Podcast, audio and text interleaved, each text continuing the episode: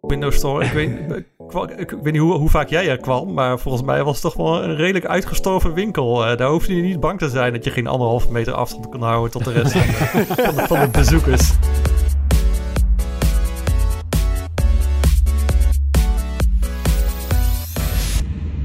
Hoi, leuk dat je luistert. Welkom bij een nieuwe aflevering van de Tweakers Podcast. Mijn naam is Wout. Ik was even twee weken met vakantie, maar gezellig weer terug.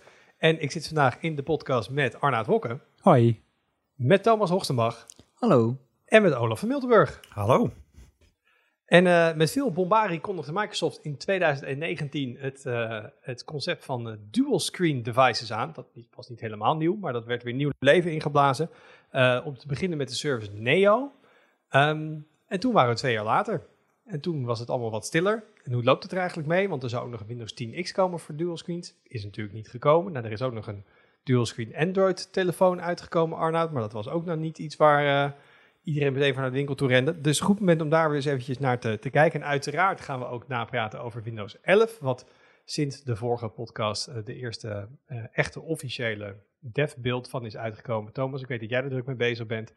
Ik heb ook maar de gok genomen. Ik heb hem ook ergens op draaien. Oh, YOLO. Dus uh, ja, niet op mijn desktop, maar wel op mijn laptop. Dus ik ah. werk vast op mijn desktop en dan af en toe s'avonds op de laptop zit ik naar animaties te kijken en met dark mode te spelen. Word ik heel gelukkig um, maar laten we beginnen bij de, bij de highlights. Uh, Olaf, wat heb jij als highlight gekozen deze week?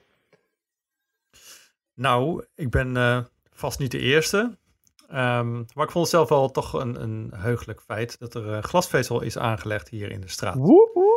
Gefeliciteerd. Dus, uh, ja. ja. Ja, inderdaad. Ja, alle stoeptegels eruit, uh, hele geel gegraven. Ik heb het allemaal van dichtbij mogen meemaken hoe die kabels erin gelegd worden. En ons huis ligt wat hoger um, ten opzichte van, uh, van de stoep. En dat betekent ook dat ze met luchtdruk dan, met zo'n metalen buis, gaan ze dan um, die kabel omhoog schieten richting ons, ons huis. zodat die inderdaad nou ja, bij het kastje uit kan komen. En jij hebt um, nu meteen ja, een dus... nieuwe internetprovider gebeld, een nieuw abonnement? Nee, het moet nog aangesloten worden. Um, maar ik ben nu wel weer druk aan het vergelijken, inderdaad. Allemaal van, goh, is dat nou inderdaad goed om, te doen? Um, maar uh, ja, op termijn wil ik natuurlijk wel overgaan. Ik, ben in ieder geval toekomst uh, voorbereid. Inderdaad, want wat heb je nu? Kabel of uh, DSL? Uh, Ziggo heb ik nu. Ja, oké. Okay. Dat is op zich als, als kabelcode niet slecht. Um, nee, nee, precies. Nee. Maar je wilt, je wilt natuurlijk die sweet, sweet uh, hoge uploadsnelheden wil jij. Ja, symmetrisch hè, gaan we naartoe. Dus uh, 1 gigabit symmetrisch, dat, dat maakt het wel een stuk aantrekkelijker. Oh, dat is echt een heel mooi linkje met, met mijn, mijn highlight zo, maar die ga ik zo meteen nog maken dan die brug. ja. Je kondigt bruggen aan, dat is wel echt een nieuw hoofdstuk ja, in deze ik, podcast. Ik, ja, maar, uh, maar Olaf, ik heb, ik, ik heb glasvezel. Dat ligt hier sinds het begin in de straat. En ik heb mhm. afgelopen weken wel een nadeel ontdekt. Want zoals uh, iedereen wel weet is het EK voetbal voor mannen bezig. Veel mensen kijken dat. Ik heb glasvezel. Ik heb dus geen coax aansluiting. Ik heb zelfs geen tv-abonnement. Dus ik kijk via streams. Weet jij mm -hmm. hoe ver mijn beeld af, achterloopt op dat van buren die gewoon via coax en een tv-abonnement kijken? Via het snelle glasvezel loop je dus flink achter. Ja, maar hoeveel uh, denk je dat ik? het is? Uh, laat ik de gok doen, 20 seconden of zo? 27. Oh, wow. Ja. Oh, wow. Ja. Dus als de deuren openstaan, en het was uh, soms wel lekker weer afgelopen week, dan hoor je dus een doelpunt al vallen en dan, uh, dan, dan weet je dat er gescoord is. En dan moet je zelf nog een halve minuut wachten. Dan komt de hele aanval nog tot stand en dan weet je al dat die erin gaat. Het is een heel aparte manier van voetbal kijken. Maar dat is dus ja, een ik, van de weinige ik zat, aan de andere, ik zat aan de andere kant van dat verhaal. Even dan de vakantieanekdote. Uh, ik was op vakantie in, in, in Frankrijk en we zaten bij een heel klein dorpje. En uh, nou, we hebben niet verschrikkelijk veel gedaan buiten uh, in het huisje chillen waar we zaten. Maar we wilden wel af en toe een wedstrijd kijken. En natuurlijk de lokale cafeetjes in het dorpje, die hadden wel de, de wedstrijden van Les Bleus, de, de Fransen natuurlijk, dat werd wel uitgezonden. Dus we zaten op een gegeven moment, dat wij ons vaste plekje waar we dan de wedstrijd keken. Maar aan de overkant van de straat, en letterlijk, denk voor je gewoon een straat aan de overkant, dus 20, 25 meter, was een ander café, wat ook de wedstrijd uitzond. Uh, en beide zaten helemaal vol. Dus dat was mooi, want het was niet genoeg plek bij één café. Alleen één die zat via de tv-verbinding en de ander via een stream. Nou zat ik bij de goede kant. maar dus elke, elke keer waren wij dus al aan het... Maar wij waren wel de, uh, de wat meer rustige, uh, het rustige terras. Dus wij, mensen hadden geen ratels en toeters en vuurwerk bij ons. Dus bij ons werd er gewoon handjes in de lucht en gejuicht. En dan vijf, 15 tot 20 seconden later werd zeg maar van die fakkels afgestoken aan de overkant van de straat. Er werden prr, prr, van die airhorns en zo. Dus uh, dat was ook een hele gekke gewaarwording. Want ze zagen bij ons elke keer dat wij uit ons dak gingen. En dan zag je ze een soort van naar ons kijken. Maar ook naar hun eigen scherm. Want ze wilden wel weten wat er gebeurde. Maar ze wisten eigenlijk van, ik moet eigenlijk al gaan juichen. Ja. Maar nog niet precies waarom. Mm, ehm, maar het leek me, ik was heel blij dat ik aan de goede kant van de straat zat. Laat ik het zo maar zeggen. Want het lijkt me verdraaid irritant op die manier een wedstrijd te moeten kijken.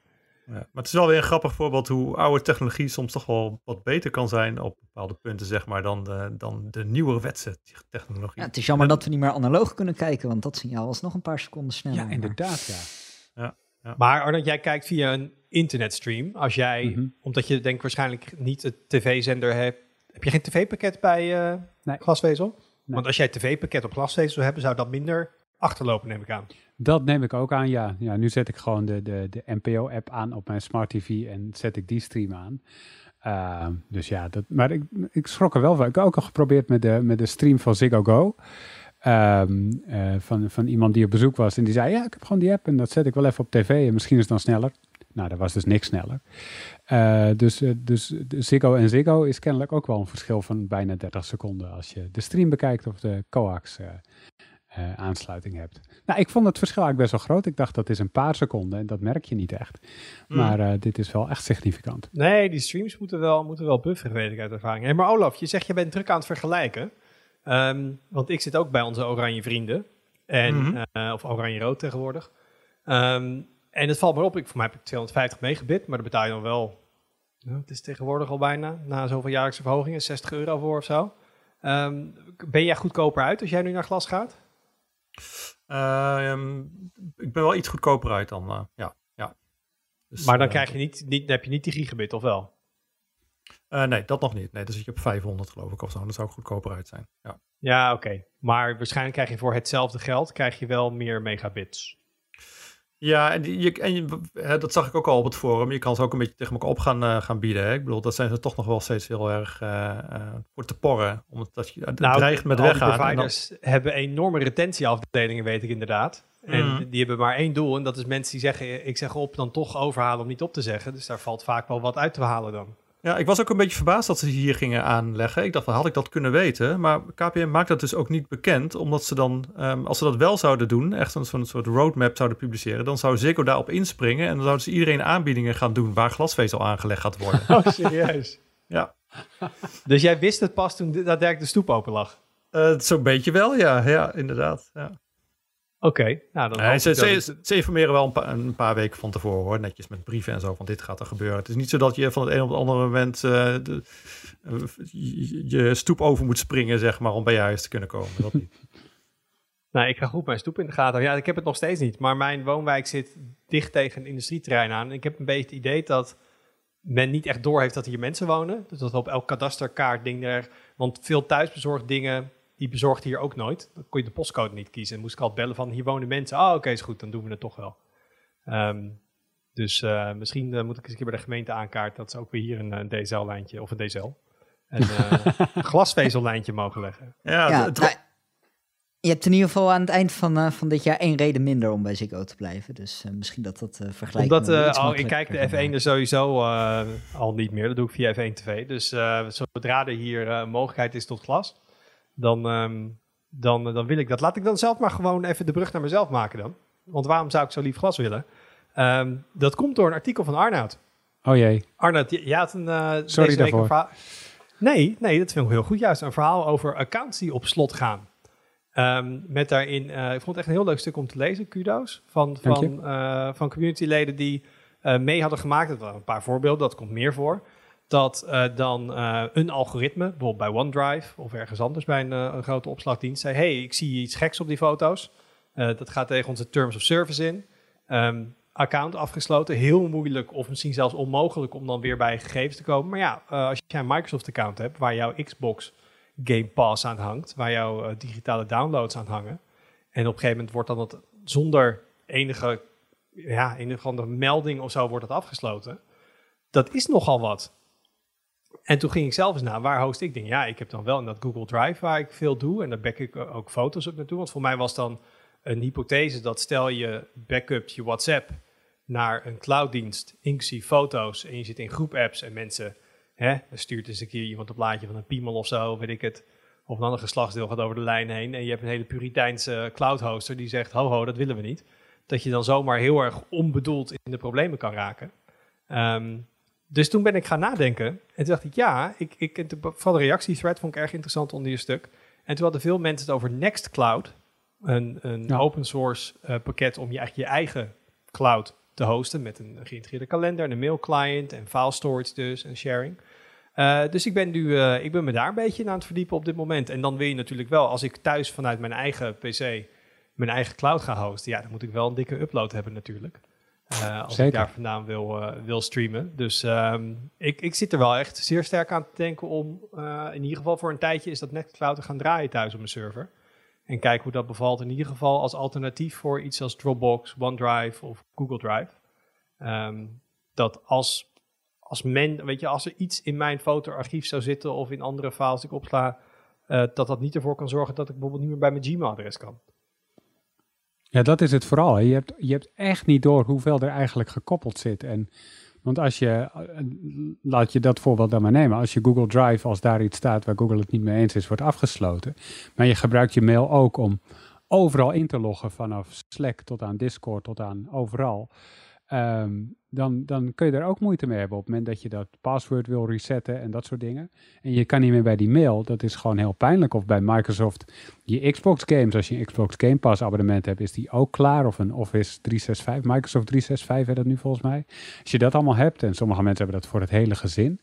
Uh, ja, dat, dat, dat is dan allemaal voorbij. En je kan abonnementen en digitale aankopen kan je niet overzetten. Dat gaat niet van het ene account naar het andere. Dus zelfs als je een nieuw account neemt, ben je het kwijt het is niet echt van jou uiteindelijk. Je betaalt eh, flink, maar het is toch lang niet fysiek in je bezit is. Maar uh, Thomas, heb jij ehm, veel dingen in de cloud gehost? Ja, ik ben zelf Microsoft 365 gebruiker, dus dit artikel heeft mij ook wel een beetje aan het denken gezet, inderdaad. En, uh, en, en inderdaad, uh, kijk, het, is natuurlijk, zodra je Office 365 koopt, krijg je daar OneDrive bij. Dus dan, dan, uh, dan krijg je een terabyte opslag per persoon. Dan voelt het ergens heel dubbel om nog eens extra te gaan investeren in een andere cloud provider of zelf een NAS neer te zetten. Laat staan, ik heb mijn NAS zelfs weggedaan toen ik Office 365 nam. Um, ja, dus het, het, heeft me wel aan het denken gezet. En ik denk ook van ja, er staat, weet ik veel, 500, 600 gigabyte aan, aan data en een hoop foto's van, van 10, 15 jaar natuurlijk. Ja, eh, de kans dat daar iets tussen staat waar een, een algoritme van kan bedenken dat hij er niet mee eens is, ja, die is natuurlijk best aanwezig. En je zag ook andere... inderdaad reacties inderdaad van mensen die zeiden van ja, ik heb uh, mijn kinderen zijn jong en die spelen wel eens in het, in, het, in het badje in de achtertuin in de zomer. Ja, die zijn dan naakt, dan maak ik daar een foto van. Dat, heeft helemaal, dat betekent helemaal niks. Um, maar als zo'n algoritme vindt, hey, kinderporno, ja, dan, dan ben je de Sjaak. Ja, ja, nee, dat, uh, dat is waar. Aan de andere kant, er stonden cijfers in, in het artikel van Arnoud. En, en um, um, dat waren best stevige cijfers. Voor mij een paar honderdduizend accounts die, die in een ja. jaar werden afgesloten. Aan de andere kant, als je dat afzet tegen de totale hoeveelheid uh, accounts, dan is het natuurlijk maar een heel klein percentage. En dan kun je ook nog zeggen van ja, een, een heel aantal van die bands zullen misschien wel terecht zijn. Want een clouddienst wordt natuurlijk met een, met een deelfunctie wordt natuurlijk gebruikt voor, voor dingen die je daglicht niet mogen zien. Ja. Dus ja, dan is de kans dat het je overkomt, is gelukkig wel heel erg klein. Dus, uh, dus uh, nee, ik weet het nog niet of ik daar. Uh, of mijn, nou plan is ook niet om, mijn plan is ook niet om te stoppen met clouddiensten, maar wel om een extra kopie in een soort private cloud toe te gaan voegen. Dus Hè, voor mij had iemand ook de, een paar keer werd in de, de reactie ook de 3-2-1 uh, leidraad aangehaald. Maar je moet op drie plekken moet je het, je data hebben. Waarvan en dan, eentje offsite, volgens mij. Waarvan eentje offsite. En die twee is dan twee verschillende fysieke locaties. Dragers of media, zeg maar. Ja. Um, dus ik zou dan hebben, dan zou ik het op een home NAS hebben. Dan zou ik het in de cloud hebben. Uh, bij dan een, uh, een, een, Google of een Microsoft. Maar ik heb ook nog Backblaze, waarbij die het echt naar een soort permanent cloud backup storage wegschrijft. Nou, en dan heb je voor het, gebruiksgemak gewoon lekker je, je, je, hè, je, je Microsoft Cloud of je Google Cloud of wat het ook is. Uh, want dat is vaak wel qua gebruikersvriendelijkheid. Het werkt altijd wel heel lekker. Um, maar dan toch, als daar ooit iets mis mee gaat, het moet niet je primaire vorm van opslag zijn. Dat, dat werd bij mij nog maar wel even weer bevestigd. Oh ja. Ja um, maar dan heb je data gecoverd. Maar natuurlijk je, je e-mailaccount als je je Outlook e-mail gebruikt, je, je agenda als je die in Microsoft hebt staan. Ja, om daar allemaal backups van te maken, dat is toch een stuk bewerkelijker. En, en een backup is dan ook niet per se een, een echte vervanging. Ik bedoel, je hebt dan wel je mails nog, maar mails, nieuwe mails komen niet meer aan. Nou, wat Arnoud zei, het, het, het allergevaarlijkste is denk ik dat gewoon je e-mailadres bij heel veel diensten tegenwoordig je loginnaam is. En je kan heel vaak zeggen, ik ben mijn wachtwoord vergeten. Of ik wil mijn wachtwoord wijzigen, maar niet, ik wil mijn e-mailadres wijzigen. En Google en Microsoft ehm, hebben ook nog eens Authenticator apps. Dus als dan ook nog je 2FA mm. weg is. Ja, dat heb, ik, dat heb ik al wel daaruit gehaald. Dat zit, dat zit bij mijn password manager, heb ik het uh, overgezet. Maar als ik nu toegang tot mijn Gmail-account zou verliezen, wat ik al weet ik niet hoe lang heb. Dat is echt gewoon een beetje het, het hart waar al de digitale diensten en, en, en login samenkomen. Uh, en als ik het artikel van Arnoud mag begrijpen, dan is de kans dat jij dan iemand aan de lijn krijgt bij Google die jou netjes jouw case gaat bekijken en behandelen en dan handmatig dingen terug gaat zetten, is nul. Ja. Nou, 0,002 dus was het. Dus dat is niet helemaal. Er is een kans. afgerond, afgerond is dat nul. Dus wat, ik, ik vind het heel ver gaan om ook mijn eigen e-mail te gaan hosten en zo. Uh, want ja, heel eerlijk, dan zit je toch weer... Ik vind Gmail een enorm fijne client. Um, met alle filtering en, en weet ik niet wat allemaal. Um, maar ja, wie weet, misschien als ik uh, stapje 1 is Nextcloud files hosten. Misschien valt het wel zo goed dat ik uh, denk, nou, dat we ook maar eens naar iemand gaan kijken. Maar dat zal dan echt voor later zijn. Eerst ook maar eens even die, die glasvezel hier krijgen, dat ik tenminste een goede upload heb. Anders dan uh, ik wil wel gewoon mijn fotootjes kunnen kijken vanaf de cloud zonder dat dat enorm lang duurt. Arnoud, er is wat gaande. Ja, en dat, we hebben het al een aantal keer over gehad en we, we zeiden telkens, ja, dat, dat gaat toch niet door. Mobile World Congress um, zou plaatsvinden van 28 juni tot aan 1 juli. Uh, nou ja, het is nu 1 juli en is die afgelopen week geweest? Het antwoord is ja. Oh ja, zeker. Ja, er was gewoon een beurs. Maar als je denkt, hmm, op Tweakers heb ik is daar dit, heel Is dit de eerste grote techbeurs sinds de pandemieuitbraak? Ik denk het wel. Eigenlijk, vorm? Ja, in China was er ook een Mobile World Congress in februari. Maar dat was in China en dat was eigenlijk volgens mij alleen voor Chinese uh, genodigden.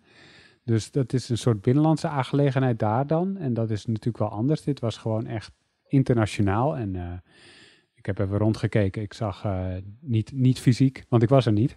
Um, maar ik heb de beelden bekeken en ik zag inderdaad stands uit, van bedrijven uit Japan en China en overal. Um, alleen de beurs zelf zag er uh, uitermate rustig uit. Ik heb uh, het beeld, ik heb die ook op mijn, op mijn Twitter gezet. Uh, je kon een ehm, kanon schieten volgens mij. Ja, en nou ja, jij kent die beurs ook Wout, maar we kennen allemaal techbeurzen wel. Ik bedoel, het is een beetje Koningsdag in Amsterdam. Het is hutje mutje, schuifelen door de menigte. Als je van de ene kant naar de andere kant van de beurs wil, dan trek je gewoon 25 minuten uit, ondanks dat het eigenlijk maar 5 minuten lopen is of 10. Want je weet gewoon, het is super druk overal en je komt er nergens doorheen. En nu was het, uh, ja, het, het, was gewoon, het was gewoon bijna niemand. Logisch ook, want er hadden heel veel bedrijven afgezegd. Maar de beurs ging wel door. En, uh, en er was er en er waren stands en uh, nou ja, er waren wat mensen. En, waren er ook waren aankondigingen? Want dat is de reden dat een beurs voor ons interessant is, dat daar nieuwe hardware gelanceerd wordt en dat we dat kunnen zien. En dat is de eerste keer ooit dat het dan zichtbaar is. Nee, Nee, en daarom heb je er ook weinig van kunnen zien op Tweakers. Want normaal dan zijn die persconferenties er en dan, dan schrijven we over alle nieuwe dingen die er zijn uh, getoond.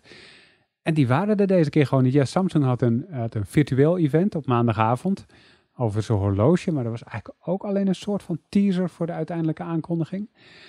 En, uh, en dat was het eigenlijk wel. Er waren niet echt grote andere dingen. En zeker de hele vibe eromheen. Dus dan is er een hele serie van die persconferenties. Dat met CES, dat is met IFA en dat is met Mobile World Congress ook.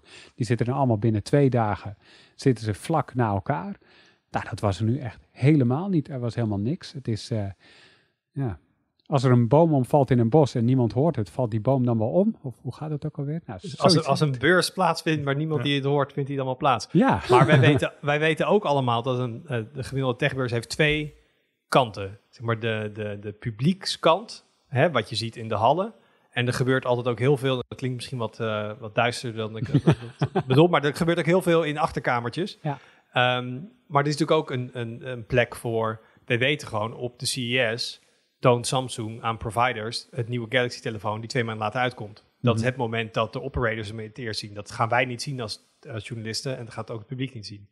Ehm, denk je dat dat misschien een reden was dat het wel doorging? Dat dit vooral heel erg veel zakelijke contacten waren en grote bedrijven die onderling toch een momentje zochten om eventjes met elkaar te kunnen babbelen? Nee, dat denk ik niet. Zeker omdat uh, veel van die grote providers, die zijn er gewoon niet. Um, die hebben hun fysieke, uh, hoe noem je dat? Fysieke presentatie, fysieke aanwezigheid, hebben ze van tevoren, ruim van tevoren al geannuleerd. Um, dus ja, die, die, die waren niet aanwezig. Dus die grote providers om het aan te laten zien, uh, dat, dat kon dus niet. Wat er natuurlijk wel is, dan pakken de kleinere partijen die denken, ja, zijn wij zo bang voor dat coronavirus nog in juni? Misschien niet. Die pakken dan de gelegenheid om daar de spotlight te pakken. Dus ik denk wel dat daar. Maar die spotlight was niet zo groot. Nee, die spotlight was niet zo groot. Maar ik denk wel dat mensen elkaar daar hebben kunnen ontmoeten uiteindelijk die elkaar anders niet hadden ontmoet. Maar dat gaat dan denk ik vooral over de kleinere partijen die, die gedacht hebben: ja, nu is onze kans, we gaan toch. Uh, ik denk dat dat het meer is dan iets anders nu. En waarom het doorgaat, ja. ja, we hebben het alles genoemd, maar het is de moeite waard. De organisator GSMA, uh, die is voor zijn inkomsten voor uh, een heel groot deel afhankelijk van deze beurs. Anders kan die hele organisatie niet bestaan. Uh, dus die wil het heel graag laten doorgaan. Hetzelfde geldt voor de stad Barcelona. Dit levert normaal heel veel geld op van allemaal mensen die komen. Allemaal toerisme, al die ja. En dat, dat was er natuurlijk ook niet afgelopen anderhalf jaar, afgelopen twee keer. Dus die waren er ook op gebrand om ja. het te laten doorgaan. Dus uh, ik denk vandaar dat het wel is doorgegaan. Maar, de vraag is of dit nou dit was heel gewoon klaar. het begin weer is en dat het weer op gang gaat komen. Of dat dit eigenlijk aantoont dat misschien de tijd van de grote beurzen wel voorbij is. Wel heel veel bedrijven hebben al aangekondigd dat ze het eigenlijk wel prima vinden om op uh, virtuele wijze, zeg maar, dit soort evenementen te houden. Zoals Microsoft. Ik zou het, ik zou het zo'n armoe vinden als dat inderdaad het is. Um, om meerdere redenen. Om, omdat je gewoon echt merkt, nou, dat, dat kan ik jullie alle drie, uh, kun je dat wel beamen.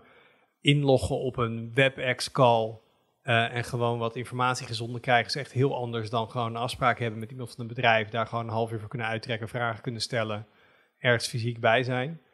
En hallo jongens, een van de leukste dingen van uh, techjournalisten is ook dat je af en toe de wereld over mag en gewoon dat allemaal van dichtbij mag zien. Dus ik zou het ook gewoon een gemis vinden voor iedereen bij de redactie dat je gewoon niet, ik bedoel een week naar de CES, je slaapt vrij weinig uh, en je, je, je, schrijft meer in één week dan je normaal en misschien wel in, in een maand doet. Um, maar het zijn wel de kentijden. Of het ook heel efficiënt is, daar kun je over twisten. Ik kan me wel een, een tripje naar Londen herinneren, waarbij ik inderdaad uh, ingevlogen werd, veel te laat aankwam en na een uurtje weer teruggevlogen werd uh, richting Amsterdam. zo, heb ik, zo heb ik ze ook wel eens. Ik, ik weet nog dat ik uh, voor de HTC Desire, wil ik zeggen. Sensation? Um, ja, of misschien de Sensation opvolger. Um, en toen was ook de hele reis verliep niet goed. En we kwamen echt binnenlopen bij die venue toen Ira aan het klappen was. En dit was de presentatie. Yay! En ik dacht zo, oh, oh ik ben al vijf, zes uur onderweg. Wat jammer. Um, en toen hadden we een uurtje hands tijd en toen moesten we weer terug naar Nederland vliegen. Dus ik ben helemaal met je eens, Olaf. De, de dagtripjes mogen ze ook wat mij betreft wel uh, skippen. Um, maar de, nou, ik kijk even naar Thomas, iets als Computex of zo. Daar zit ja. toch echt wel waarde in. En daar merk je ook gewoon dat het heel erg verschilt in hoeverre uh, bedrijven dit, dit goed kunnen. Um, ik denk best dat een, een event van een Samsung of een Apple, dat, het, dat is relatief makkelijk digitaal te doen. Um, zeker omdat Samsung natuurlijk ook relatief open is over, over technische dingen en specificaties en dat soort dingen. Uh, er zijn ook partijen waar ik gewoon sinds corona praktisch niet meer van heb gehoord. Die, die ik iedere Computex uh, stonden ze daar met hun steentje en had je een leuk gesprek en hadden ze wat nieuwe dingetjes. En of die bedrijven nu nog bestaan, geen idee. Vermoedelijk wel. Um, maar uh, het, het, het, het, verschilt ook heel erg in, in soort bedrijf. Ik denk hoe groter het bedrijf en misschien ook wel een beetje hoe westerser het bedrijf, maar dat is misschien een moeilijke, een moeilijke aanname.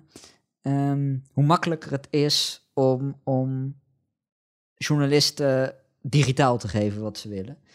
En, en uh, hoe hoe moeilijker een bedrijf is, misschien ook wel hoe ingewikkelder het product is, hoe meer dat fysieke aanwezigheid echt een meerwaarde heeft. Want op zich, het is relatief eenvoudig voor een bedrijf om te zeggen, oké, er is een beurs, we moeten onze vierkante meters huren, we moeten zorgen dat we een steentje hebben, spullen bij elkaar en we gaan daarheen. Nou, dat is op zich logistiek wel even een ding, maar dat heb je op een gegeven moment in de vingers. Maar inderdaad, online um, echt iets goeds neerzetten, wat meer is dan een videocall. Uh, en ook echt een beetje je, je spotlight daarbij claimen tussen alle andere dingen dat is inderdaad, uh, dat is best lastig. Ja, en dan moet ook nog je stream blijven werken. En er was een partij waar dat vorige week iets minder goed bij lukte. Die ook wat groter, uh, daar, gaan we, daar gaan we het zo nog even over, uh, over hebben. Maar ik ben benieuwd, Ola, wat je zegt. Is dit de, de, de eerste? Ik, ja, voor mij is CES gezegd. Er komt in januari gewoon een fysieke CES. Um, ik hoop het ook. Laat ik zo zeggen. Ik bedoel, vinden jullie het prima? Of zeg je, nou, ik zou het ook wel leuk vinden als er ook wel nog wel het, het face-to-face contact is? Ja, het moet het face-to-face, dat heeft echt zo'n meerwaarde. Gewoon in de hoeveelheid informatie die je kan krijgen, maar ook de hoeveelheid mensen die je kan spreken. Want zo'n beurs, ja, dat is het probleem met een virus. Het brengt mensen bij elkaar. Je bent uh, bij veel meer mensen in de buurt een stream van een Samsung of een Apple volgen. Inderdaad, dat is allemaal heel makkelijk. Maar al die kleinere uh, aanbieders waar je niet zomaar, eh, ja, die, die spreek je niet zomaar. En zeker niet de mensen die er echt iets van weten. En dat is op zo'n beurs is het super makkelijk. En daar haal je heel veel uit. En dat hebben we nu gewoon niet. Uh, dus dat ontbreekt nu. Dus ja, ook, ook inhoudelijk, behalve dat het de kers op de taart is als je, als je dit werk doet. Ook inhoudelijk is, worden dingen gewoon echt beter als je, als je naar zo'n beurs toe kan gaan. Wel met Olaf eens, uh, in een dag op en neer vliegen naar een Europese stad, dat is op zich iets wat, uh, dat zal niemand denk ik echt heel, heel hard gaan missen. Dus nou, in ieder geval uh, niet, maar CES. Ik, ik, uh, ik, zal er wel even rekening mee houden qua vliegtickets. Ik, ik ga er gewoon eigenlijk vanuit toch wel stiekem dat we in januari wel weer naar een beurs zouden moeten kunnen. Ja. Als iedereen zijn prikje gehad heeft. Ga het zien. Um, yes. Dan Thomas. Ja, ik uh, kom wel eens in de Pricewatch en dat zullen meer mensen doen. En op de voorpagina... Ja, mooie intro hè. Ja, Voor, mooi. Op de voorpagina... Een soort, mop, komt de redacteur bij de Pricewatch. Oké. En op de voorpagina van de Pricewatch, daar zie je altijd deals. En ik dacht inderdaad van een beetje dat ik voor de gek werd gehouden. Want daar stonden opeens allemaal videokaarten in vorige week. En, en als ik nou iets niet associeer met videokaarten de laatste tijd, dan is het aanbiedingen. Uh, doorgaans en is, prijzen. Ja. Do doorgaans is, een, uh, is, is, een, is voorraad al een reden om, uh, om om heel erg blij te zijn. Nee, maar inderdaad, de videokaartprijzen beginnen opeens te dalen. Hebben we vorige week ook een, ook een berichtje gedaan over op de site. En um, wat mij daar een beetje aan integreerde is, hoe kan het nou dat er zo lang zo'n groot probleem is en die situatie leek eigenlijk ook helemaal vast te hangen. Er, er leek geen verbetering in te zitten, de prijzen waren stabiel, stegen zelfs nog iets een gegeven moment heb je zelfs gezien dat shops gewoon zeiden van nou, alles wat we niet hebben liggen kun je niet bestellen. Dus uh, dan kon je ook niet eens meer pre-orderen, al zou je het willen. Um, en, en nu leek er, er opeens genoeg voorraad te zijn en konden de prijzen opeens omlaag. Um, dus dat, dat vond ik wel uh, bijzonder. En ik heb uh, ook, ook even rondgevraagd toen van, ja, hoe, hoe, hoe zit dit nou aan de achterkant? Hoe werkt dit? Waar komt dit vandaan? Uh, is dit Nvidia die aan het pushen is? Zijn dit fabrikanten die prijsverlagingen doorvoeren? Chiptekort magische wijze opgelost? Met een knip van de vinger was het in één keer weg, inderdaad. Ja, um, het, hmm. het, uh, het, bleek wat genuanceerder te liggen. Het, het ligt niet zozeer aan, aan AMD of Nvidia. Het ligt ook niet zozeer aan, aan fabrikanten. Wat, wat, wat er vooral gebeurde de afgelopen weken in de, in, ja, de, de Nederlandse of de Benelux videokaartenmarkt, is dat de aantallen gewoon iets omhoog gingen. En dat is echt niet heel substantieel, maar de, de, leveringen werden gewoon iets groter. Uh, nou, op zich, dat chiptekort wordt natuurlijk wel stapje voor stapje beter. Vraag wordt ook stapje voor stapje ingelopen, dus dat is op zich wel logisch. En die webshops die kijken naar, naar de productcategorie videokaart vanuit het, vanuit het oogpunt van run rate. Dus dat gaat over hoeveel uh, producten, hoeveel videokaarten verkoop je in een bepaalde tijd. En um, stel je krijgt wekelijkse leveringen en je krijgt van een merk krijg jij uh, wekelijks uh, 10 RTX 3080's, dan hanteer jij een prijs waarvan je weet, dan verkoop ik ongeveer in een week die 10 kaarten en dan zijn ze net op als de nieuwe levering binnenkomt. Als die levering dus opeens niet 10 kaarten, maar 20 kaarten is of 30 kaarten, uh, en je doet niks, dan eh, ben je een stapel videokaarten aan het opbouwen. Um, dus dan, dan ga je zoeken naar een prijs waar de runrate zodanig wordt dat ook die grotere levering voor de volgende levering weer net op is. Tegelijkertijd, als je, dat, ja, als je daar iets te ver mee gaat, uh, dan, dan ben je halverwege de week uh, zit je zonder videokaart. kun je helemaal niks meer verkopen. Um, dus vandaar zie je het ook niet, niet heel hard dalen. Het is ook niet dat, dat het gelijk weer op de adviesprijs zit of zo. Dat kan ook helemaal niet, want de inkoopprijzen, heb ik nog even gecheckt, liggen ook nog echt op een niveau dat shops, al zouden ze het heel graag willen, kunnen echt de, de, officiële adviesprijzen niet halen. Maar je ziet dus wel dat de prijzen ja, langzaam wat gedaald zijn. Maar heeft dat ook mee te maken dat er bijvoorbeeld bij Nvidia nu ook een 3070 Ti en een 3080 Ti is uitgekomen? Ik denk het wel een beetje op twee manieren. De ene kant haalt die nieuwe modellen halen wat vraag weg bij de bestaande modellen.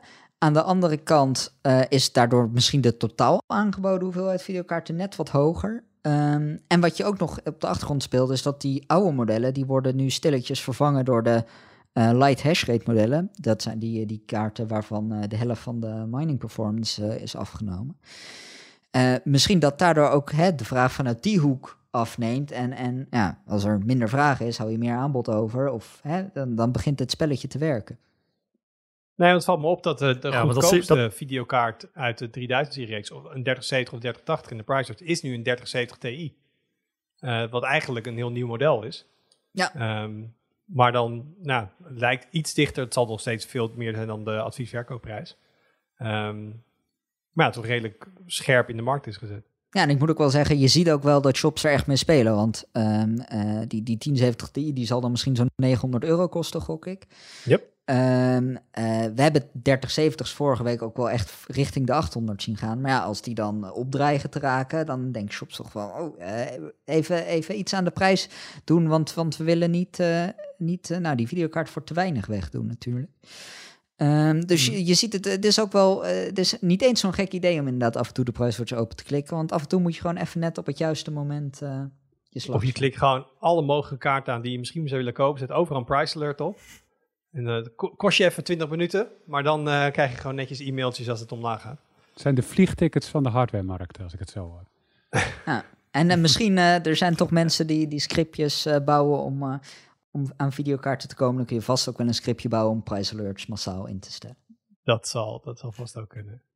Ja, ik zie bij de comments zie ik inderdaad al stevast uh, de opmerking van, het komt allemaal door cryptocurrency. Ik bedoel, toen de chip tekorten was, werd het genoemd van, ja, hè, natuurlijk zijn we wel tekorten, maar het komt allemaal door cryptocurrency. En nu de aan, het aanbod wereld beter wordt, zie ik ook weer, ja, maar China heeft een soort crackdown tegen cryptovaluta en uh, daardoor is nu heel veel aanbod erbij gekomen. Weten we een beetje hoe groot dat aandeel is in dit hele verhaal? Nou, wat ik in ieder geval weet is dat mining voor de, voor de lokale markt niet heel relevant is. Omdat uh, nou, er zijn inderdaad gewoon werelddelen waar mining echt veel en veel groter is. En waar het veel winstgevender is om te minen. Uh, dat zijn geen mensen die een, uh, een videokaart via de Pricewatch kopen. um, en ja, het, het is... Dan, als je dus mining zal een deel zijn, maar dan moet je dus vermoeden dat er voordat de allocatie naar Nederland komt, uh, dat er dan al een deel, dus rechtstreeks vanuit fabrikanten bijvoorbeeld, misschien zelfs rechtstreeks vanuit Nvidia, wordt geleverd aan, aan die crypto-partijen. En dat is gewoon heel lastig voor ons om daar, om daar een vinger achter te krijgen. Want ja, als dat al gebeurt, zal absoluut niemand hier het je toegeven laten staan. Ik weet zelfs vrijwel zeker dat, dat de Nederlandse afdelingen van de videokaartfabrikanten uh, dat die van dat soort deals, als ze er zijn, niks afweten. Uh, en die krijgen dan alleen maar mee. Uh, je krijgt vanaf deze week meer allocatie dan de vorige week. En ja, ligt dat dan aan een afgenomen vraag vanuit mining? Ligt dat gewoon aan meer productie? het zal allemaal een klein beetje een rol spelen. Ja, nou, ik las zelfs de opmerking van dat in een bepaalde regio in China waren dan elektriciteitsprijzen gestegen, waardoor het, dat was juist een regio waar dat heel veel plaatsvond. En daardoor zou het daar minder zijn geworden. En dat had ook weer invloed op, ja, mensen gaan daar best wel ver in. Een butterfly eh, effect. Ergens in de wereld gaan de elektriciteitsprijzen omhoog en bij ons worden de videokaarten goedkoper. Ja, en, en mining, kijk, het speelt natuurlijk een rol. Um, maar het, was niet, het is niet alsof er geen videokaartekort zou zijn als mining er niet was. Dus uh, we, we, we, moeten het zeker benoemen, maar we moeten het ook weer niet als de enige oorzaak gaan zien. En zijn die nieuwe kaarten alweer, om, zijn die anti-mining dingen daarin alweer omzeild of niet? Lage Voor zover ik weet niet. Uh, en nu moet ik wel zeggen, het begint echt pas vanaf vorige week zo'n beetje bij Nederlandse shops binnen te lopen. Dus je ziet ook dat... Uh, dat dan uh, de, de, nieuwe leveringen bij de winkels, dat dat niet meer de, de klassieke versies zijn, maar de, de LAR-versies. En die hebben ook een, een andere EAN-code. Dus het is wel echt een, een... Je kunt aan de doos zien of je, of je zo'n kaart hebt of niet. Uh, dus, dus het begint ook pas net binnen te lopen. En, en uh, ik hoop dat Nvidia het uh, dit keer wat, wat beter voor elkaar heeft dan de vorige. Wat ze in ieder geval ook hebben gedaan is de 3060. Dat is de eerste kaart die met zo'n limiter kwam, die dus gehackt werd. Daar hebben ze nu ook alweer gelijk een nieuwe versie, dus een 3060 LHR. Uh, Dus ze, ze lijken er wel echt serieus werk van te willen maken. Nou, dus dat, zou, dat effect zou dus misschien meer over een maandje of twee moeten kunnen zien. Als dat echt werkt en er is echt een crypto-effect en het is echt niet meer interessante dingen te kopen, dan moeten we dat uh, vanaf nu een beetje gaan zien. En gelukkig zit Thomas regelmatig in de price te klikken, dus dan gaat hij ons dat gewoon vertellen als hij dat ziet. Zeker. Hey, we, ehm, Windows, uh, zowel 11 als met één of twee schermen. Um, Olaf, misschien even goed om te, te, te beginnen bij jou en dan even twee, twee jaar terug. Nog voordat ooit iemand van uh, corona had gehoord. Mooi was die tijd. Um, Toen Windows uh, met heel veel bombarie, of Windows, Microsoft zei, we gaan naar dual screen device. Wat was een beetje het idee, wat was een beetje de boodschap? Waarom was dit de toekomst ja, van computers? Dat, was best wel een, gekke aankondiging. Ik heb nog eens teruggekeken in oktober 2019, die, uh, die avond. Dat begon met gewoon een aantal standaard uh, service aankondigingen. service laptop, service tablet, zoals we ze kennen eigenlijk. Um, en ineens um, haalde Panos Panay, hè, de, de, de, de product topman van, van Microsoft, die voor Windows en Surface verantwoordelijk is. Echt een bizar Amerikaanse uh, aankondiging was het ook weer, waarbij hij helemaal begon over zijn dochters die piano speelden. En uh, dat, dat zagen we vorige week eigenlijk ook weer. Hij maakt het heel persoonlijk. Hè. Make it personal. Echt, ja, Partij die op pathetische wijze daar zijn, zijn aankondigingen deed. Um, maar opeens haalde hij inderdaad een, een, een nieuw apparaat tevoorschijn. En hij zei van ja, dit, dit is het apparaat waarvan ik denk dat het een nieuwe productcategorie gaat worden. En dat was dus inderdaad de Surface Neo. Een, een, een, uitklapbaar apparaatje met twee 9-inch uh, schermen. En hij zei van in dit apparaat komt heel veel van Microsoft, of hij zei volgens mij zelfs alles waar Microsoft mee bezig is geweest de afgelopen jaren. Uh, hè, als we het hebben over Windows, over Office, over Azure, komt allemaal samen in dit apparaat. Um, dus dit gaat uh, het apparaat van de toekomst worden. En hij had het niet alleen over dat apparaat, maar er zouden ook andere fabrikanten met dit soort apparaten gaan komen. En eigenlijk terloops werd nog even een nieuwe Windows-versie tussendoor aangekondigd voor dat type apparaat, Windows 10X. We hebben um, nog zelfs een preview op basis van een emulator hebben we nog geplaatst destijds, weet ik. Ja, ja, ja, en het was een beetje een gekke aankondiging, want hij zei ook gewoon van ja, maar dit, dit gaan we pas over een jaar uitbrengen. En dat is, dat is helemaal niet des Microsoft om, om dan het al helemaal te laten zien en mensen lekker te maken en, uh, en dat het nog niet beschikbaar is. Uh, maar goed, hij had er wel een reden voor, want dit soort uh, nieuwe besturingssystemen en dit soort apparaten werken alleen natuurlijk als je maar genoeg ontwikkelaars daar warm voor gaat maken. dus dat was eigenlijk een beetje de bedoeling. Um, om he, dat al die ontwikkelaars daar al over na gingen denken en alle apps voor gingen schrijven. Uh, zodat je er optimaal gebruik van, uh, van gaan ma ging maken. En nu zijn we twee jaar later. En waar koop ik nu een Service Neo? In de Pricewatch? nee, dat, de, de Surface Neo, officieel is de status is gewoon onduidelijk. Microsoft heeft nooit gezegd hij gaat er niet komen. Maar de productpagina is wel al weggehaald al uh, een tijdje geleden. Ja. En, ja, en Windows 10X, dat, dat, uh, dat heeft Microsoft dan wel duidelijk bekend, uh, bekendgemaakt. Dat gaat er gewoon niet meer komen. Dat is gewoon helemaal geschrapt. En dan hebben ze natuurlijk wel dingen, daar komen ze over op terug, hebben ze wel elementen van overgenomen in Windows 11. Maar kunnen wij gissen naar wat is hier misgegaan? Ik bedoel, het is niet alsof het een soort hersenspinsel was. Er was een, het zijn prototypes, ze lieten dingen zien. En ze hadden het echt helemaal uitgedacht van van het, het hele idee staat, we moeten het alleen nog even uitwerken. Ja, en wat je toen, waar we nu zijn. Wat je toen zag is dat Microsoft zich heel erg richtte op mobile. Hè. Dat ze hadden echt als idee van de toekomst is aan de, de, de mobiele werker. Iemand die uh, overal en, en, als hij op pad gaat of in de trein zit of desnoods in een auto of zo gewoon nog aan het werk is. Dus daar was dit apparaat ook voor bedoeld. Dat je gewoon, ja, je kan hem in je zak steken, je haalt hem tevoorschijn, je maakt wat aantekeningen, je checkt wat mail en, en dat soort dingen. Als je um, lekker fysiek op je werkplek bent. Precies, of, on, of, onderweg inderdaad. Uh, ja, ja, ja. En ja, wat er toen gebeurde natuurlijk, um, is dat de pandemie uh, eraan kwam en iedereen ging thuiswerken. Um, men, men, ging helemaal niet meer onderweg. Men, eh, laat staan dat men onderweg ging werken. Dat deed je gewoon, uh, dat deed je gewoon lekker thuis. Maar dus ik denk, PC's bouwen met dure RTX-kaarten. Precies, dus, dus ik denk dat Microsoft er even achter de oren gekrapt heeft van hmm, dat toekomstperspectief wat wij zagen, dat is misschien toch wel iets anders uh, gegaan dan, dan wij dachten. Um, en ja, wat, wat heb je dan liggen op de plank wat, waar dat dan wel geschikt voor is? Ja, dat is de, de good old Windows, zeg maar. Um, en dat zag je eigenlijk ook vorige week bij de aankondiging van Windows 11. Ze, uh, ik weet niet of het opgevallen is, maar um, Panos had het nu had het weer heel erg over zijn eigen huis, hè, inclusief foto's van zijn eigen huis en foto's van zijn kinderen en zo. Maar de nadruk lag heel erg op huis, ja, thuisgebruik. Thuis is waar je niet alleen uh, gamet en waar je van alles met je andere apparaten doet, maar thuis is ook gewoon waar je werkt. dus dus daar, daar richt het zich nou heel erg op. Van thuis is de plek waar je werkt en thuis is de plek waar je gewoon good old Windows draait, zoals je dat kent van ons. Alleen met een nieuw naampje. Ja, maar Arnoud, ze hadden twee devices. Ze hadden een, een, Neo, die draaide op Windows, Windows 10X, wat niet uitgekomen is. Maar uh, Microsoft had je Android ook sinds Windows Phone niet meer bestaat. Dus ze hadden ook de Surface Duo, wat een verkleinde versie van hetzelfde clamshell concept was, maar dan met Android. Die is wel uitgekomen. Zeker.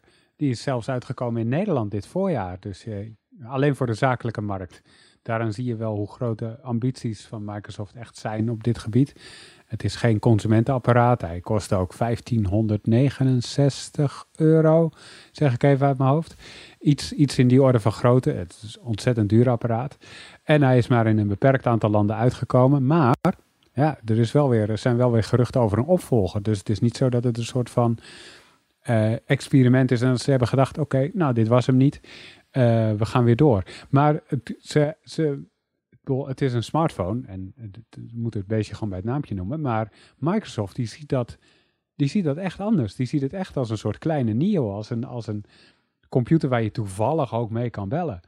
Wat een smartphone eigenlijk natuurlijk ook wel is in de basis. Alleen dan ja, met twee schermen om extra productief te kunnen zijn.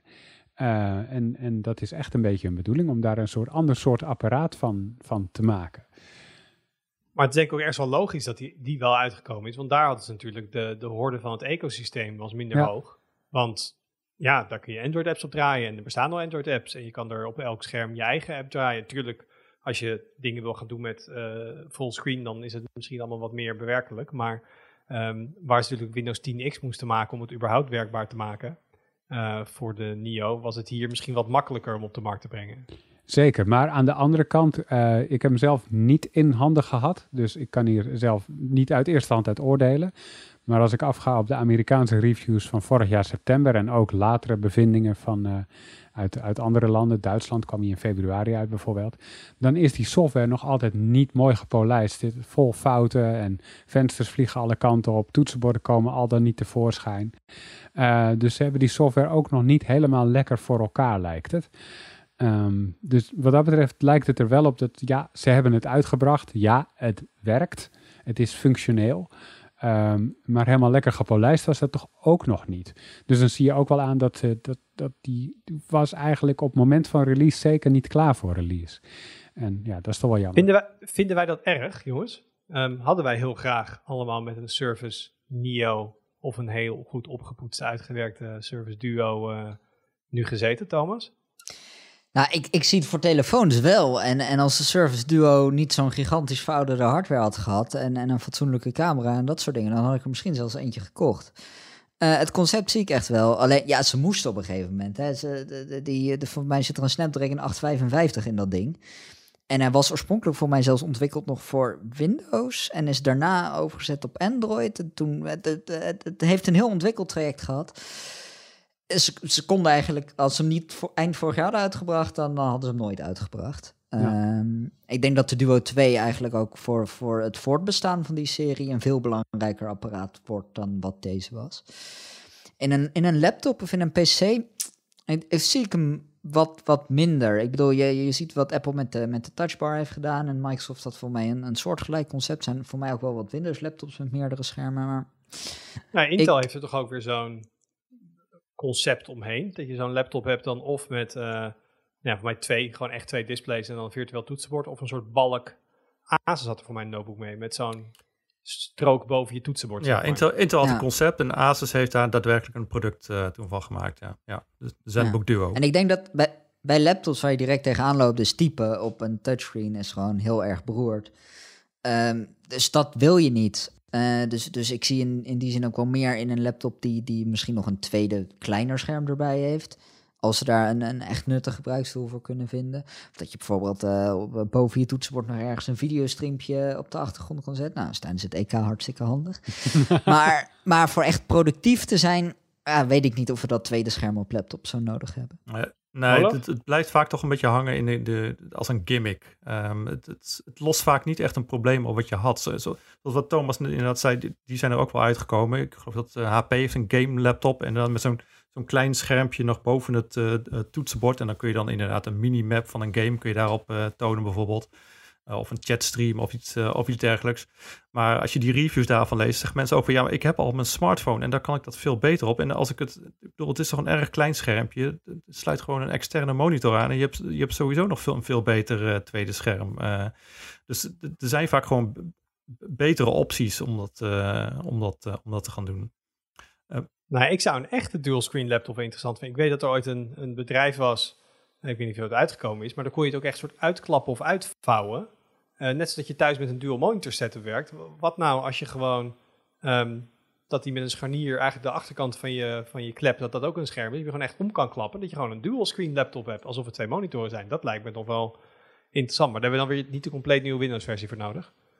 dat is meer een, een, een, een hardware. Nee, precies. En dat brengt ook weer problemen met zich mee. Want het maakt het ding natuurlijk wel heel erg zwaar. En je zit met de accu duur. Ik bedoel, dat vreet stroom, zo'n uh, zo'n tweede scherm. Dus ja. Ik weet ook niet of de passagier naast je in de trein het leuk gaat uh, vinden als je even je drie schermen uitklapt. Maar...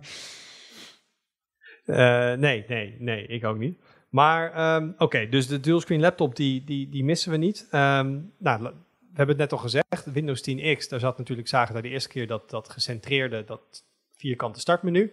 Want eigenlijk, ja, we kunt, hoe lang blijft het het startmenu noemen, terwijl het al heel erg ver af aan drijven is wat het startmenu ooit was.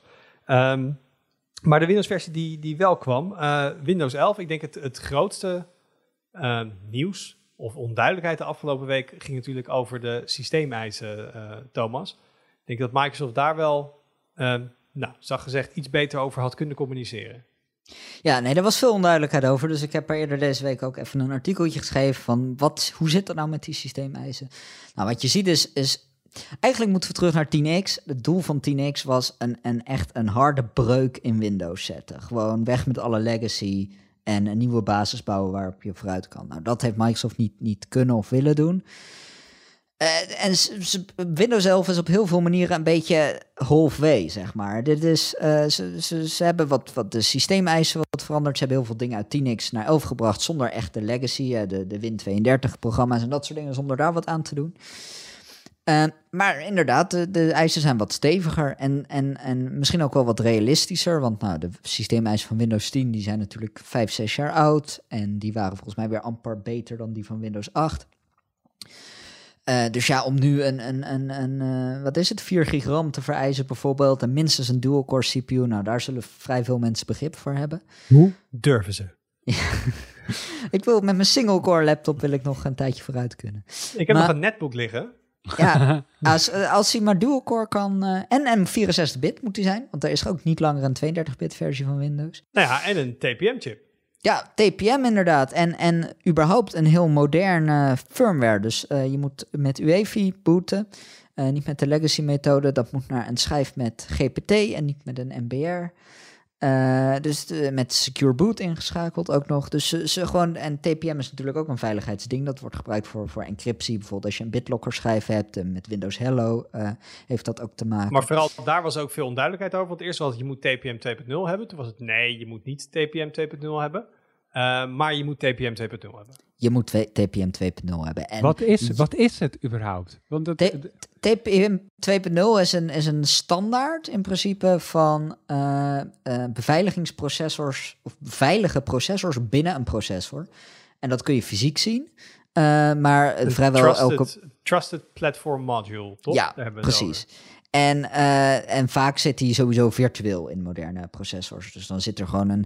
Je moet het zien als een afgeschermd eilandje in de firmware van die processor. Waar dan uh, de, de crypto keys voor je, voor, je, voor je harde schijf encryptie en zo worden opgeslagen. Oké, okay, maar dat is dus niet iets wat, je nog zelf kan toevoegen of zo. Het is niet als je TPM 1.2 hebt dat je naar 2.0 kan. Toch dan, want je hebt toch moederborden met een, een TPM-header waar je een los TPM ja, unit. Ja, en waar, waar die eigenlijk vooral voor bedoeld is, is, uh, want het, het, het, moederbord in jouw PC heeft zo'n header ook, uh, om hardware TPM te gebruiken als je de software TPM van je processor op een of andere manier niet veilig genoeg vindt. Dus dan heb je het echt over, over bedrijfsmatig gebruik of, of Nou, als je daar een specifieke reden voor hebt. Voor mij is er echt maar één generatie geweest die, ehm, die wel uh, een hardwarematige TPM-aansluiting had. Want dat is gewoon zo'n zo'n ja, intern USB-headertje eigenlijk, wat je erop kunt duwen. Uh, maar nog geen geïntegreerde virtuele TPM had. En alle moderne AMD en Intel processors, dus van de afgelopen vier, vijf jaar, die ondersteunen dat. en daarvoor niet. nu moet ik wel zeggen, ik zei eerder, moet, moet, is niet helemaal waar. Het staat in de systeemeisen. Maar in de systeemeisen van de laatste versie van Windows 10 staat ook dat je Skylake uh, of nieuwer nodig hebt. Dus geen Haswell. En heb jij enig probleem als jij Windows 10 installeert op een PC met een Haswell CPU? Nee. Dus. Waarom hebben ze dan systeemeisen als je het gewoon kan draaien als je die systeemeisen niet haalt? Ja, zijn het is het van als je dit hebt, krijg je een error, mag je niet installeren? Of is het als je dit hebt, dan zeggen wij officieel is het niet ondersteund, dus klopt niet aan met je problemen? Is het meer zo'n verhaal? Ja, bel de klantenservice niet. Dat is het op dit moment. En de insider versies kun je ook gewoon installeren op een systeem zonder TPM met een oudere processor. Als jij op je 512 MB uh, RAM systeem Windows 11 wil installeren, kan ook gewoon. Um, vraag is of ze dat echt bij, bij de upgrade of bij de installatie gaan afdwingen. Wat ik denk dat ze gaan doen, en dat hebben ze in het verleden ook wel gedaan, bijvoorbeeld met die nieuwste Windows 10 versie, is ze bieden dan niet automatisch via Windows Update de update aan. Dus als je zelf niks doet, wordt die niet geïnstalleerd, blijf je op die Windows 10 versie zitten. Uh, druk je echt zelf de installer aan en, en uh, initieer jij zelf de upgrade naar Windows 11. Ik gok dat je er dan gewoon komt. Ja, maar daar was ook nog wat onduidelijkheid over. Eerst zeiden ze eind dit jaar. En toen waren er ook berichten over nee, begin volgend jaar. Maar als ik het goed begrijp, is als jij gewoon ISO wil downloaden uh, en op een USB-stick wil flashen of vanuit je PC wil starten en dan installeren, dat kan eind dit jaar. Uh, wil je gewoon achterover zitten en wachten tot de update gepusht wordt, dan is dat waarschijnlijk begin 2022? Uh, eh, ja, volgens mij gaat het, gaat het die kant op inderdaad. Um, en eind dit jaar komen wel al de eerste systemen die fabrieksaf met, met Windows 11 geleverd gaan worden. Ehm, want ja, dat is natuurlijk ook wel een dingetje. Van de oudsher is een nieuwe Windows-uitgave is uh, garantie voor heel veel fabrikanten dat ze weer lekker veel nieuwe systemen kunnen gaan, uh, gaan leveren. Dus dat zal hier ongetwijfeld ook wel enigszins mee hebben gespeeld. Uh, vorig jaar bleek dat de PC toch nog wel heel erg relevant was en, en stegen de PC-verkopen tot de verbazing van zo'n beetje iedere PC-fabrikant volgens mij. Um, die, die eerste golf van, van thuiswerkers, die hebben nu allemaal wel hun uh, systeem klaar liggen. En dus nu dreigt de verkoop misschien wat in te zakken. En ja, dan is het toch wel heel erg fijn als Microsoft met een, een, een eh, nieuwe Windows-versie gaat komen natuurlijk. Nu willen fabrikanten dus gewoon een tweede golf eigenlijk.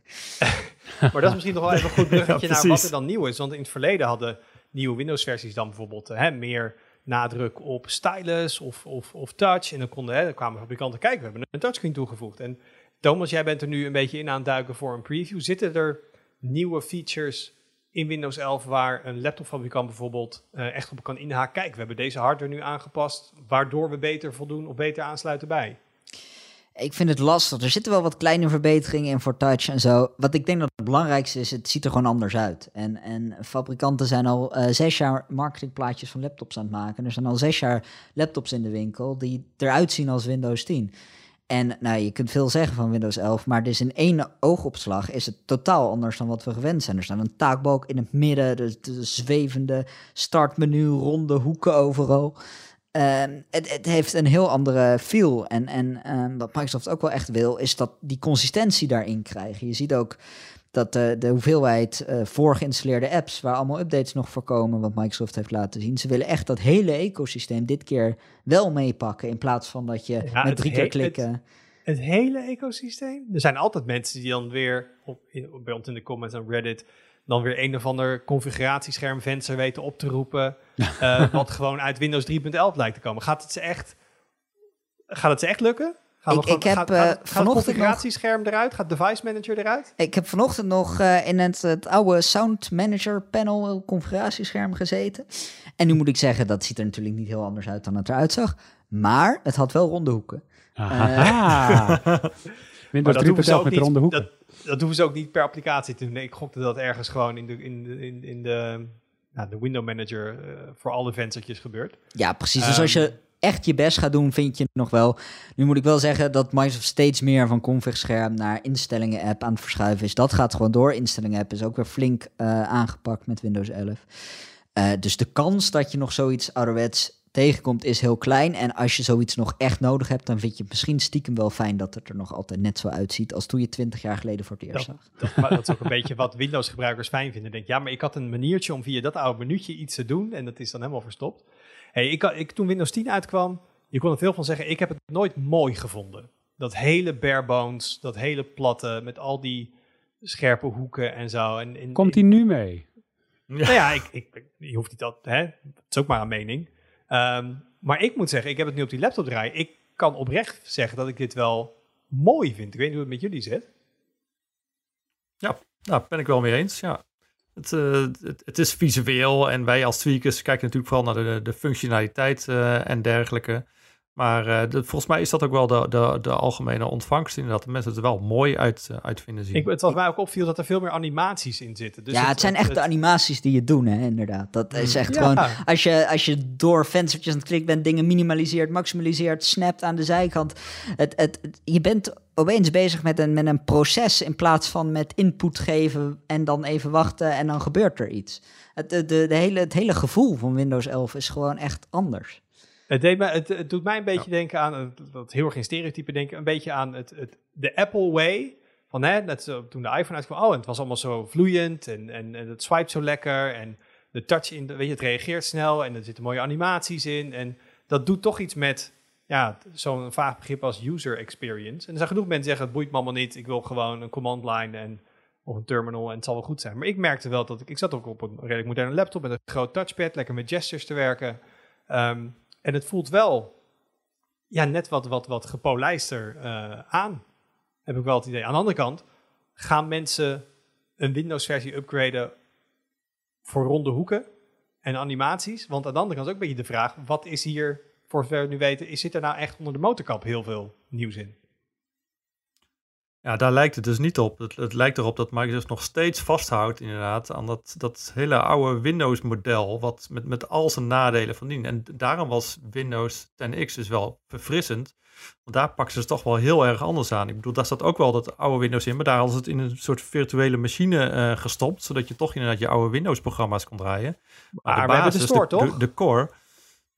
De store. Je hebt toch een nieuwe store en er komen toch allerlei soorten apps komen erin. En Win32 apps komen erin. En, uh, Android apps, of niet te vergeten. Android apps komen erin. Dat mag toch wel als iets nieuws aangemerkt worden, of niet?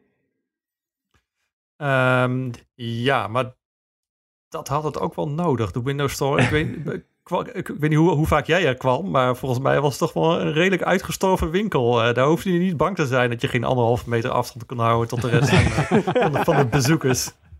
Nee, en als nee, je er kwam, dan, dan, was het ook, dan liep het vast. En dan, dan was je vijf seconden aan het wachten totdat er gebe wat gebeurde. Als je op downloaden klikt en zo. Het was niet echt een, een fijne experience. Maar Arnoud, dus, Arnoud noemde het al eventjes. Ik heb in een eerdere podcast ook wel eens een keer genoemd dat ik het een interessant idee vond. Maar Android-apps op Windows, hoe tof is dat? Ja, niks aan, niet, toch? Niet, niet, niet retorisch. Ja, je vindt het niks. Ja, ik, ik kan me ik probeer me iets voor de geest te halen waarvan ik denk, nou, dat, draait op mijn smartphone. Ik zou echt willen dat ik dat op mijn desktop kon draaien. Helemaal niks. Ik heb er Helemaal wel niks. eentje. Vertel. Ik heb er eentje. Uh, de de, de, de uh, zonnepanelen-app, oh, ja, waar ik ja. mijn uh, live verbruik kan zien, die heeft geen webinterface. Dus die kan ja. ik op mijn desktop niet bekijken. En als ik die app af en toe even open zou kunnen klikken, dan bespaart mij dat toch wel weer één keer mijn telefoon uit mijn zak halen. Maar inderdaad, ik denk dat het, het algemene verhaal is inderdaad dat vrijwel alles heeft natuurlijk ook een webinterface. En dat heeft vaak ook inmiddels een, een PWA, hè, dus een, een Progressive Web App. Dus dat is zo'n zo'n website die je in een venstertje kan zetten, waardoor het bijna lijkt alsof het een, een app is. En je kunt dan gewoon pinnen aan je startmenu en je taakbalk en ga zo erdoor. Dus ja, ik denk dat voor de meeste mensen zijn er misschien één of twee, of misschien wel geen apps. Uh, maar het is niet alsof dit nou de grote toevoeging aan Windows is die alles fundamenteel anders gaat ik, maken. Ik, ik, nee, dat niet. Maar ik zou, nog, ik zou een keer door, door mijn applijst moeten gaan. Maar ik kan me echt wel een paar dingen. Ik vind Instagram op het web niet werken. Ik vind daar de app veel beter van. Ik vind ja. uh, de, de Twitter-app, ik bedoel, de Twitter-website vind ik niks. TweetDeck is al jaren niet geüpdate. Uh, en ik vind eigenlijk gewoon dan de Twitter-app op Android de beste manier. Er zijn best wel, ik zeg niet dat je alles op je desktop moet gaan draaien. Maar ik denk als ik tussen, nou wat zal ik geïnstalleerd hebben, 70, 80 apps op mijn telefoon. Ik denk dat ik er wel 5 tot 10 kan vinden. Denk, nou, dat is misschien wel de beste manier om deze dienst te gebruiken. De vraag is alleen, gaat het werken? Want het is niet in combinatie met Google gedaan dit, het is in combinatie met Amazon. En Google Play Services lijkt daardoor te ontbreken. Ja, klopt. Arnoud knikt al. ja. Dus dat beperkt het ook al. Er zit trouwens nog iets nieuws in uh, Windows 11, Thomas, wat uh, volgens mij voor veel tweakers wel heel relevant is. Uh, maar dat heb ik van horen zeggen, jij hebt het geprobeerd. Maar als ik het wel heb, dan heb je een internetverbinding nodig bij de setup. En kan je dus niet langer door, de, in, door die, die ethernetkabel eruit te trekken een lokaal account aanmaken. Klopt dat? Ja en nee dat klopt namelijk bij de home versie. Maar als je een pro-licentie hebt, dan kun je dat wel gewoon een lokaal ah, eh, account aanmaken. Moet ik wel zeggen, ehm, Windows 10 in, en zeker ook Windows 11 de meerwaarde van inloggen met een account wordt ook wel steeds groter. We hadden het net over de store. Ja, die kun je niet gebruiken als je daar niet ingelogd bent met je account. Ja. Um, en en, en um, nou ja, OneDrive is dan misschien een beetje een slecht voorbeeld gezien waar we het eerder in de podcast over hadden. Maar de, de integratie wordt wel um, steeds, steeds waardevoller. En ik, ik, ik snap, kijk, vanuit Microsoft snap ik hem dat iedereen met een home licentie, nou dat zijn toch de minder veel eisende gebruikers. Dat is gewoon wat standaard op je laptop staat als je hem bij de Mediamarkt haalt. Uh, ik, ik snap wel dat ze die mensen naar een Microsoft-account willen. Uh, en, en tegelijkertijd snap ik ook dat, uh, dat echte power-users soms hele goede redenen hebben om dat absoluut niet te willen. Uh, ja, en voor die mensen is het dan uh, uh, in ieder geval goed nieuws dat het met een pro. Want die draaien sowieso een pro-licentie. Ik zag al wel, ik, ik, ik zag wel een workaround trouwens. Om ook met je, in ieder geval bij de insider um, beeld, om ook met je home versie een lokaal account te kunnen maken. En dat is gewoon als hij vraagt dus om je Microsoft account, kun je met Alt F4 gewoon het venster wegklikken. En dan kun je gewoon met een lokaal account kun je. ik weet niet of dat het gaat. Wow. Ik weet niet of dat het gaat halen in de eindversie, maar nu kan het nog. Dat gewoon. is weer zo Windows ook gewoon. Gewoon, ja, altijd het, dat is het, ook, het is ook Windows, dus er zal altijd wel een manier. Zelfs als ze dit eruit halen, ik kan me niet voorstellen dat er geen manier komt om, als je dat echt per se, per se, per se wil, om met een lokaal account in te loggen. En het geldt eigenlijk voor alles in Windows zelf. Kijk, er waren ook een paar mensen die waren uh, een beetje pissig dat ze hun uh, taakbalk niet meer links konden zetten. Tenminste, je kunt dus wel je iconen aan links uitlijnen, laat dat duidelijk zijn. Dat is een optie, maar je kunt hem dus niet uh, verticaal links of rechts op je monitor zetten. Ja, Arnoud krijgt bijna een, eh, een hartaanval. Maar, de wereld stort in. Maar ik, uh, we hebben nog een half jaar Insider-programma te gaan. Dus als er veel mensen naar hem vragen, kan ik me niet voorstellen dat ze dat vinkje niet terugbrengen. En aan de andere kant, stel ze doen het niet, dan is er binnen, nou een dag na launch, is er een programma dat doet. Ja, ja, want het blijft uiteindelijk wel Windows. En dat zei volgens mij Satya ook in meerdere interviews van, wij zijn het OS dat met alles lief samenwerkt en waarbij je alles naar je hand kan zetten. Um, en dat omarmen ze ook wel een beetje volgens mij. Ja. Iets wat een beetje onder de radar gebleven is trouwens, is dat we straks af zijn van de twee jaarlijkse updates. Hè? We gaan toe naar een, een, een, een grote update uh, per jaar nog maar. Dus niet meer eentje in het voorjaar en in het uh, najaar. Maar ja, wanneer die dan zal zijn, weten we niet. Maar we kunnen straks nog maar één update per jaar verwachten. Prima, ja. dan, voelt het, dan voelt het ook meer als iets nieuws. Want af en toe dan zag ik, oeh, er is de, de H1-update is dan geïnstalleerd. En dan, ja. Huh? Wat, waar, welk, waar moet ik de veranderingen zoeken? En groot, grote groepen gebruikers hadden dan weer problemen, waardoor vooral binnen bedrijven weer eh, alle alarmbellen afgingen en zo. Dus dat, dat is ook een van de redenen waarschijnlijk waarom Microsoft dit, uh, dit gaat doen. Ja, en, en nog een laatste ding, ook leuk voor ontwikkelaars. Uh, je mag gewoon je eigen betaaldingen kiezen als je in de Windows Store staat. Dat is natuurlijk een hele mooie, even een tik uitgedeeld richting, richting Apple en Android. en je hoeft niks af te dragen. Nou, er zit wel een maar bij. Dat geldt alleen maar voor apps, niet voor games. Dan uh, willen ze ja. graag toch nog een, uh, een deel daarvan hebben. En het geldt dus alleen als je echt je eigen uh, betaalprovider gebruikt. Nou, vrijwel geen enkel bedrijf heeft zelf een betaalprovider. Dat zal altijd een derde partij zijn. Dus dan heb je het... Eigenlijk hebben daar ook de, de grotere bedrijven... die per definitie al een externe betaalprovider gebruiken... ja, die hebben daar wat aan. Ehm, het, het, echt een, een kleine softwareontwikkelaar... die zal ja, zal het redelijk om het even zijn of ze, of ze 10% afdragen aan Microsoft, of 10% afdragen aan een derde partij die een betaalplatform heeft. Uh, dus dit is eigenlijk ook wel een beetje iets om juist de grotere partijen... Beetje voor de bühne. Maar ook de Adobe's en zo. Kijk, je wil natuurlijk gewoon dat mensen in die store kunnen klikken op ik wil Photoshop kopen. En dat Photoshop wordt geïnstalleerd. En dat kon niet. Uh, en nou ja, nu zowel Win32-apps zijn toegestaan als uh, uh, betalingen via Adobe zelf in dit voorbeeld. Ja, nu komt Adobe gewoon in die Windows Store te staan en dat is uiteindelijk wat Microsoft wil. Ja. ja. ja. En dan, uh, nou, laten we niet te veel gaan. Nou ja, of, of het voldoende is, dat is natuurlijk maar de vraag. Want Microsoft die, die probeert het al zo lang met zijn Windows Store. En mensen willen er gewoon maar niet naar binnen op de een of andere manier. Want met Android apps, dat waren ze natuurlijk ook al heel lang mee bezig. Om ontwikkelaars te porren, om, om Android uh, apps te, te, te porten. Uh, naar UWP, Universal Windows applicaties. Um, dat hadden ze heel makkelijk gemaakt met bridges en zelfs met iOS-apps um, moest dat gaan, gaan kunnen, zeg maar. Maar ontwikkelaars wilden daar niet aan, want gebruikers zaten er helemaal niet op te wachten. Dus of dit dan voldoende is om um, de Microsoft Store wel aantrekkelijk te maken, ja, we moeten het nog gaan zien. Dat moeten we zien. We hebben in ieder geval ronde hoekjes. Dat nemen ze ons, uh, dat gaan ze niet meer afnemen tussen nu en de release, denk ik. En laten we daar ook even behouden, want anders dan heeft niemand meer reden om nog Thomas' artikel en het lezen en zijn video te gaan bekijken later deze week. Um, want dat is een van de dingen die op de site eraan zit te komen. Voor de rest, mocht je nou denken, ik vind het nog steeds leuk deze zomer om heel veel sport te kijken, ondanks dat Nederland eruit ligt. Er is nog een, een Olympische Spelen volgens mij.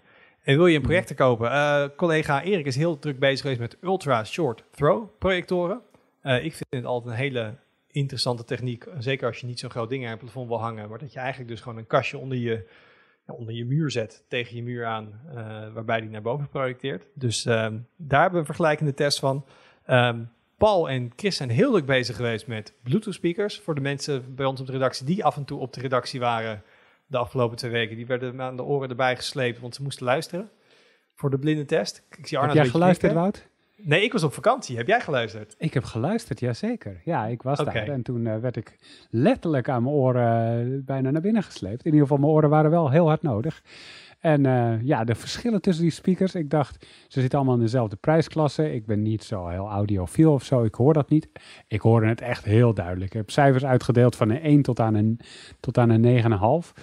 Het was, de verschillen zijn echt heel groot. Dus ja, ik, dat wordt voor mij een leuk verhaal. Dus uh, moet je nog op vakantie dit jaar en denk je wel een Bluetooth speakertje mee, dan uh, moet je dat vooral ook even checken. en voor de rest, ik zit nog even te kijken. Jij, Arnoud, ik denk dat jij nog gaat duiken in de prijs van 5G-telefoons. Zeker. En daar is iets, onderwerp. Ja, daar is iets heel raars gebeurd afgelopen jaar. Ik moet het nog duiden, dus ik, het is niet dat ik er niks over wil zeggen, maar ik zag de cijfers vandaag en ik dacht, huh? Daar dus, moet je wat mee. Ja. En tot slot, uh, Thomas, wij werken, weet ik al, een hele lange tijd aan een nieuw protocol om behuizingen te testen. Uh, en volgens mij zijn we daar zo ongeveer klaar mee om iets te gaan laten zien. Ja, en dat is het idee daarvan is dus dat we niet alleen de nieuwe testmethode laten zien, maar dat we ook een beetje het feedback net op willen halen bij de community. Uh, het, het, idee is natuurlijk altijd, zeker bij, bij dit soort productcategorieën, om gewoon zoveel mogelijk tests te doen die voor, um, voor mensen die die artikelen lezen of die reviews bekijken, uh, nou ook gewoon uh, waarde hebben en, en nuttig zijn. Nu hebben we een testmethode ontwikkeld, daar kunnen we enorm veel mee meten. Volgens mij komen er op dit moment ongeveer uit elke kast die we met de nieuwe testmethode uh, testen, ongeveer 200 meetpunten. Hm. dat betekent dus ook als je vijf kasten gaat vergelijken, dat je dan 200 grafieken met vijf kasten hebt. Dat is misschien iets te veel van het goede. En een week besteden aan één behuizingtest is misschien ook niet heel haalbaar. Dus we zijn eigenlijk met die testreview vooral benieuwd van ja, wat vinden mensen nou echt toegevoegde waarde? Uh, we hebben eigenlijk bijna alles toegevoegd waar mensen de afgelopen jaren in de comments wel eens om gevraagd hadden. Dus dat is wel heel vet. Maar de vraag is dan, ja, wat moeten we erin houden? Welke en wat keuzes is, uh, moeten we nu gaan maken inderdaad? Ja, dus daar kan ja, iedereen dus over meedenken. Dus het buffet komt online en dan kunnen mensen gaan aangeven wat ze lekker vinden. Alles. ja, dat zal, ik hoop niet voor je dat dat, uh, dat zou best wel eens de uitslag kunnen zijn. En dan moeten we alsnog misschien die keuzes maken. Alright, uh, dankjewel jongens. Dankjewel voor het luisteren. Heb je feedback, die kun je natuurlijk altijd even achterlaten in de reacties. Of naar ons mailen op podcast.tweakers.net. En we zien je weer en we horen je weer volgende week. Doei.